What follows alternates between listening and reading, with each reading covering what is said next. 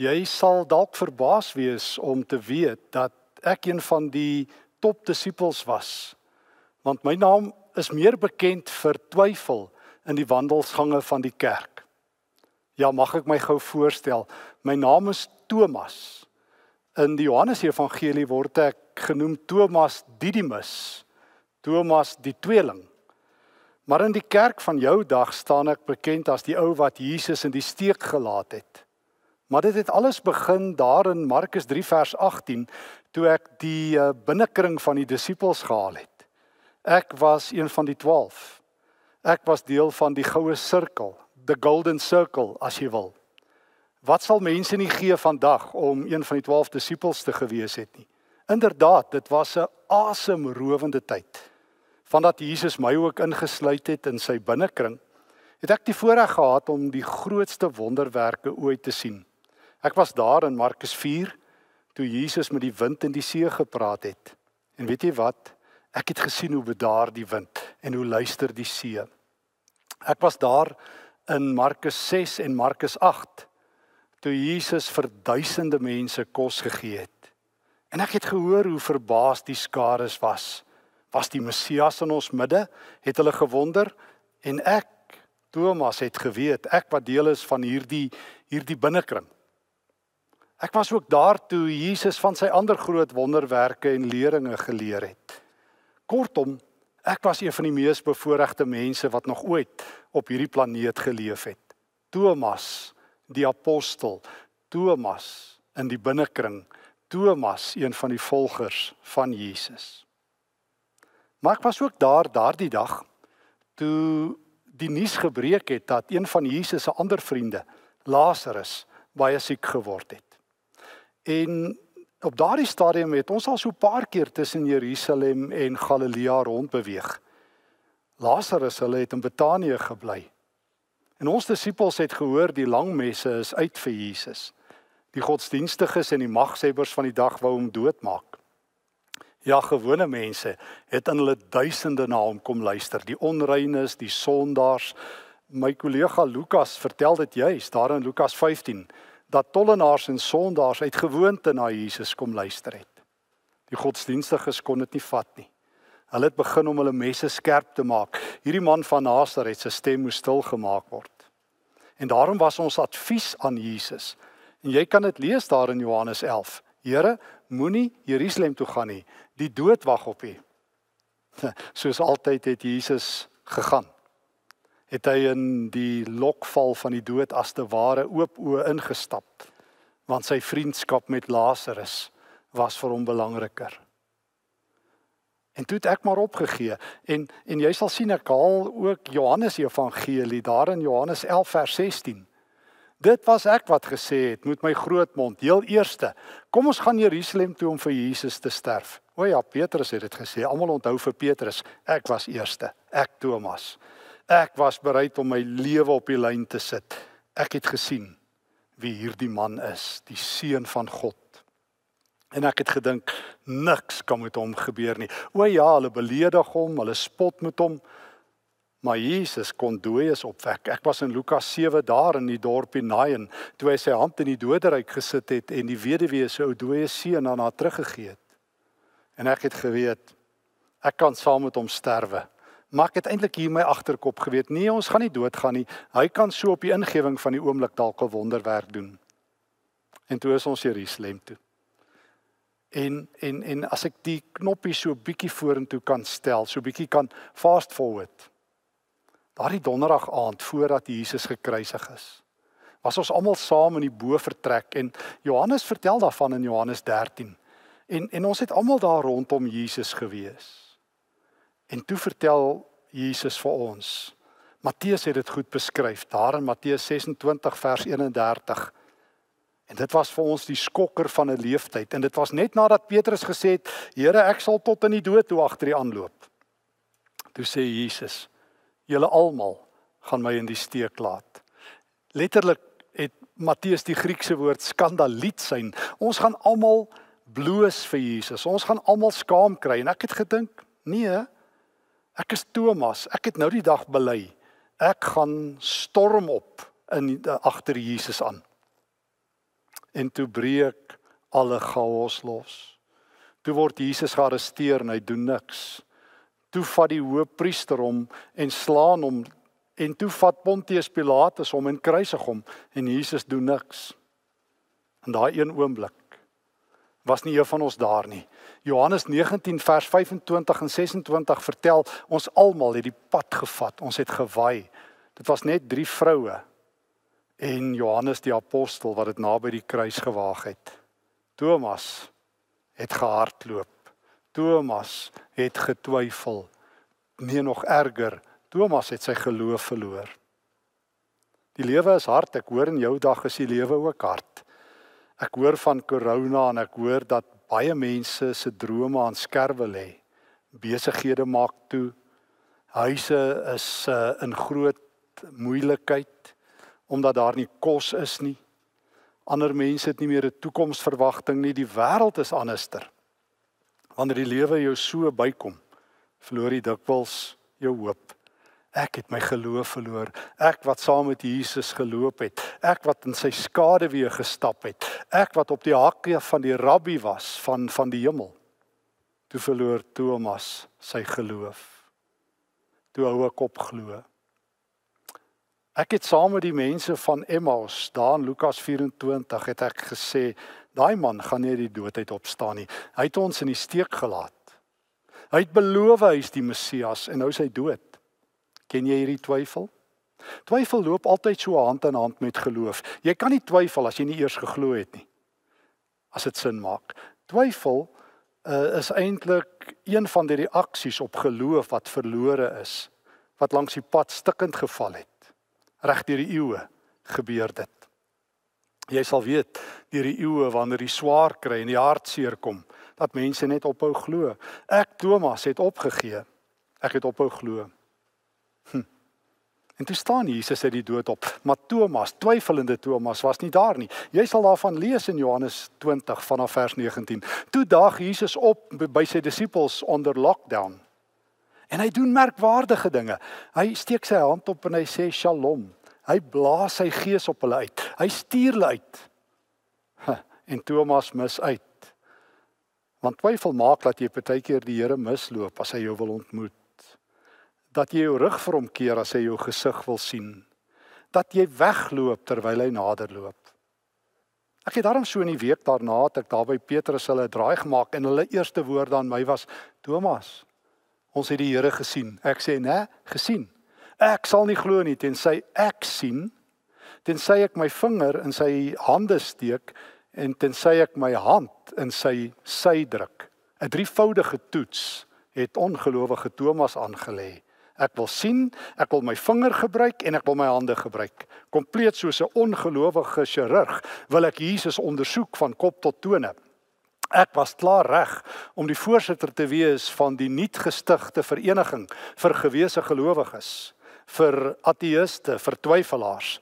Ek, disipel, binnekring ou, wou vir die wêreld vertel dis 'n klug fake news my kollegas my vriende vir 3 jaar het gesê Thomas jy maak 'n fout. Hy het opgestaan. Hy het opgestaan. Hulle het 'n goeie ding gedoen. Hulle het aangedring by my. Hulle het my genooi Thomas kom bly net by ons. Is dit nie mooi nie? Dis so mooi dat dat dat Petrus hulle iets verstaan het van Jesus se boodskap. Dat daar baie plek is vir stikkende ouens, vir has-beens, vir nobodies, vir yesterday's heroes en vir twyfelaars. En toe kan ek ook 'n rukkie uh naby die disippels kom. En ek het vir hulle gesê ek glo nie, hulle het gesê dis oukei. Okay. Thomas, dis oukei. Okay. Bring jy met jou twyfel en al jou liggaam na ons toe, kom bly by ons. En toe 'n week later in in Johannes vertel dit nogal so mooi in Johannes 20 vanaf vers 26. Toe daag Jesus weer op. Hy het vir my kom kuier. Jesus is op die hakke van twyfelaars, weglopers, verlore mense, mense wat aan die ander kant van ongeloof lewe. Wat by wyse van spreuke alreeds in die doodlyn is. Wie se speeltyd op die geloofsveld lankal verby is. Game set and match. Nie vir Jesus nie. Dis sy soort mense, Thomasse.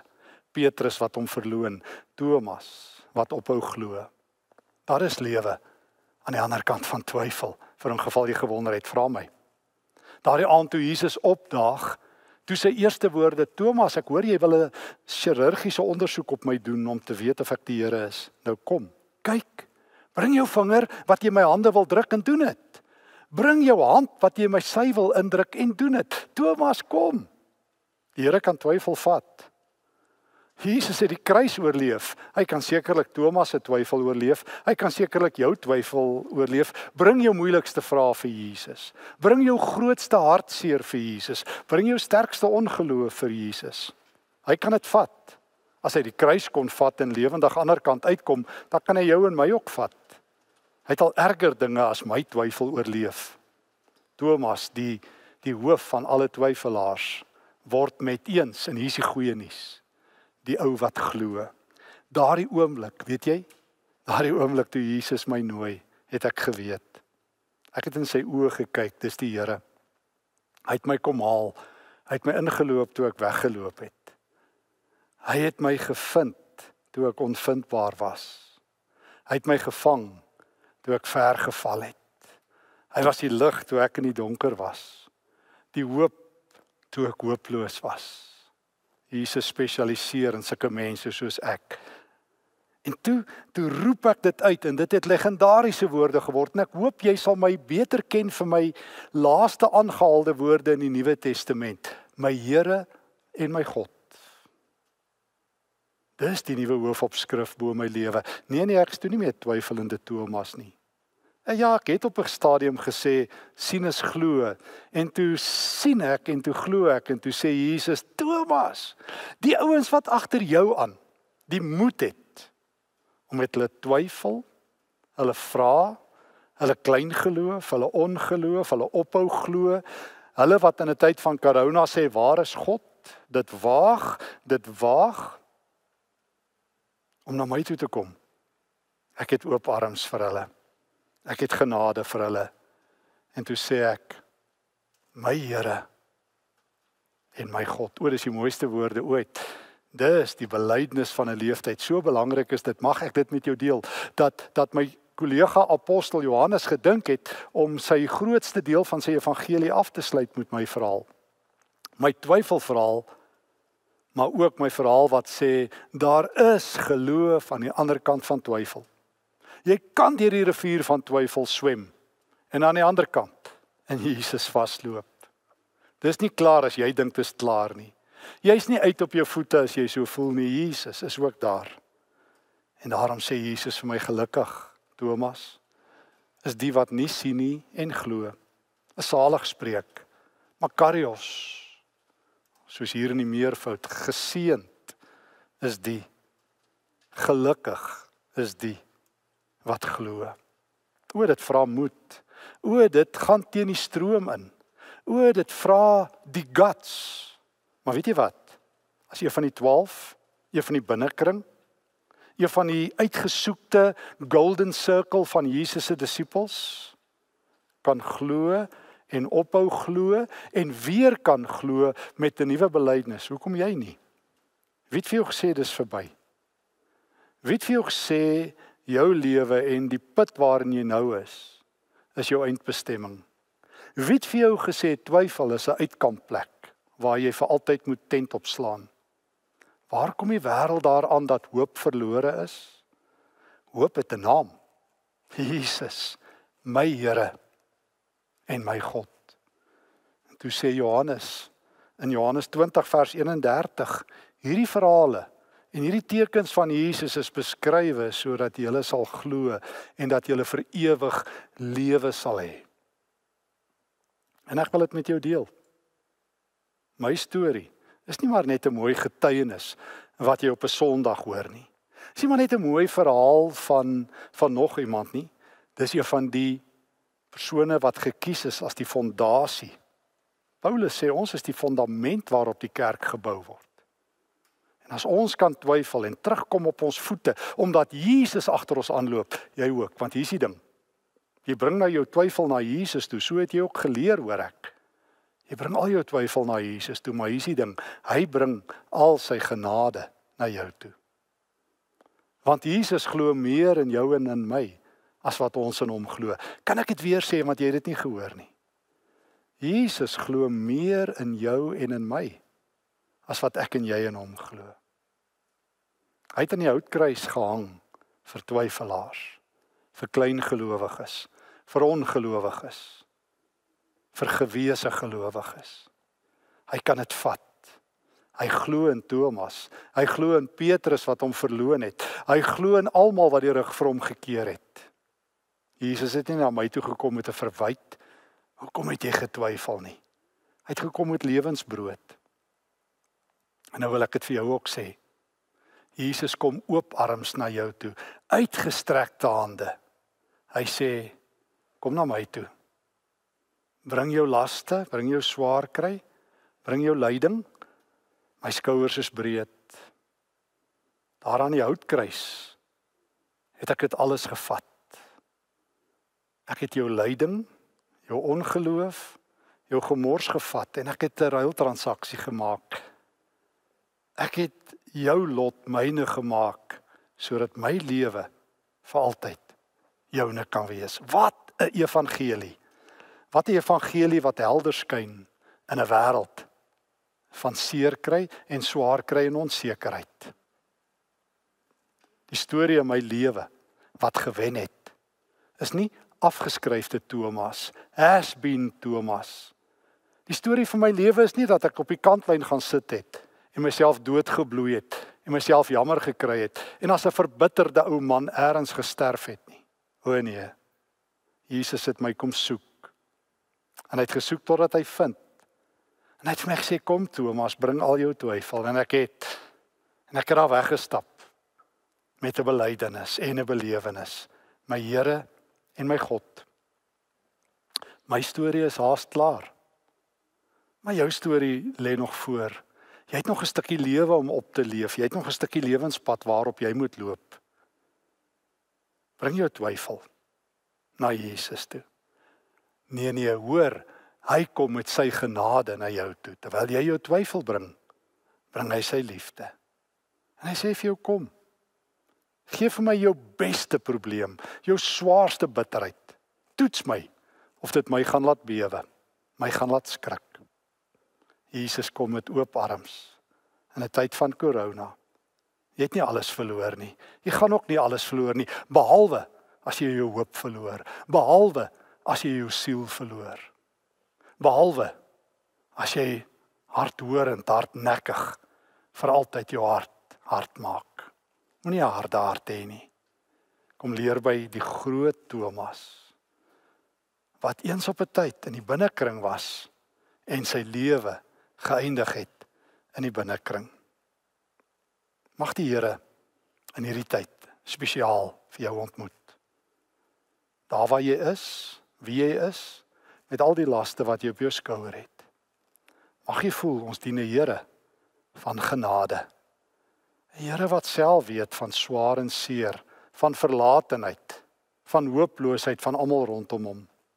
Maar 'n Here wat opgedaag het by Thomas en ook by jou met 'n oop hand wat sê vrede vir jou. 'n Here wat op jou blaas, sy gees op jou uitblaas. 'n Here wat jou ook uitstuur om te sê daar is sin en betekenis in die lewe. Al wat hy van jou vra is 'n paar prevelende woorde my Here en my God. Mag die Here vir ons elkeen genadig wees in hierdie tyd, maar bo al vir jou sodat jy dit saam met Thomas kan sê. Jy vir wie daar ook 'n plekkie is in Jesus se binnekring. Hoor die goeie woord van die Here. Ek wil graag vir 'n oomblik ook net saam met jou bid as ek mag. Kom ons vra die Here om sy woord oor te skryf in ons elkeen se hart. Here Jesus, baie dankie dat ek U nou kan aanroep. Here, ek verstaan van twyfel en van seer. Thomas is my beste vriend nadat ek nou na U woord geluister het. Maar Here, hy het nog verder gegaan as U. Hy hy het U van aangesig tot aangesig gesien en nogtans ophou glo. Ag Here, wees my ook genadig. Al my twyfel bring ek na U toe. Dankie dat U na my toe kom. Ontvang my met oop arms want ek sê dit al sê ek dit swaar en sukkelend U is my Here en my God. En ek weet Here, hierdie belydenis is die belewenis van my lewe van nou af tot in ewigheid. Dankie dat ek dit mag bid in Jesus se naam. Amen.